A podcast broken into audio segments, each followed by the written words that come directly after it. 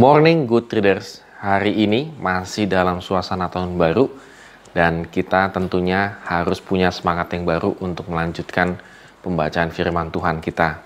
Dan firman Tuhan kita lanjutkan di Esra pasal 7 ayat 1 sampai dengan yang ke-28.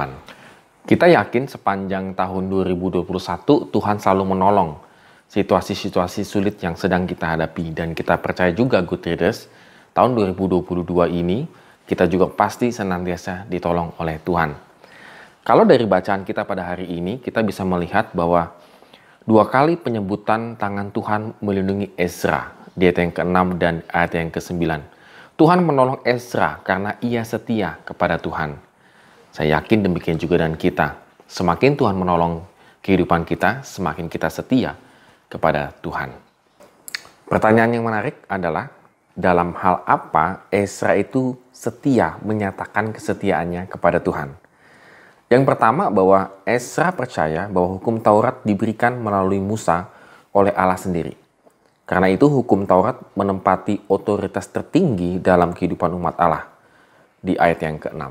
Ini penting sekali good readers, bagaimana kita menempatkan otoritas firman Tuhan dalam kehidupan kita. Kita sering kali menempatkan nilai-nilai yang kita yakini dari kecil, apakah itu nilai budaya dan seterusnya, melebihi daripada otoritasnya firman Tuhan.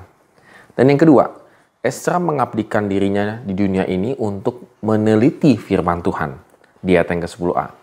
Ia berusaha untuk mengetahui kebenaran yang Allah firmankan untuk diketahui dan dijalani dalam kehidupan. Ya ingin agar umat tahu maksud Allah.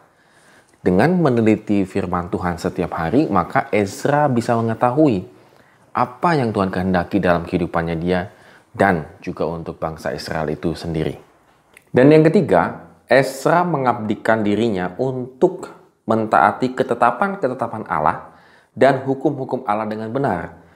Jadi, dia tidak hanya sekedar meneliti, tetapi juga mengabdikan, mentaati ketetapan Tuhan. Ia praktekkan dalam kehidupan nyatanya. Di ayat yang ke-10a. Mungkin kita sering kali belajar firman Tuhan, habis itu tidak kita hidupi dalam kehidupan kita sehari-hari. Tidak demikian dengan Esra. Dan yang keempat, Esra mengabdikan dirinya untuk mengajarkan firman Tuhan supaya kebenaran, keadilan, dan kemurnian di antara umat Allah terpelihara dengan sangat baik di ayat yang ke-10b. Jadi ikut readers kita melihat seorang Esra yang luar biasa setianya kepada Tuhan bukan sekadar di ucapan, tetapi juga dalam kehidupan dia hari lepas hari dia menyatakan bagaimana dia setia kepada Tuhan. Tidak sekedar dia baca, dia renungkan, lalu dia pahami, tetapi dia ajarkan sampai ke level ajarkan firman Tuhan untuk umat Tuhan. Apa yang didapatkan Ezra dari hasil kesetiaannya kepada Tuhan? Apakah tidak mendapatkan apa-apa?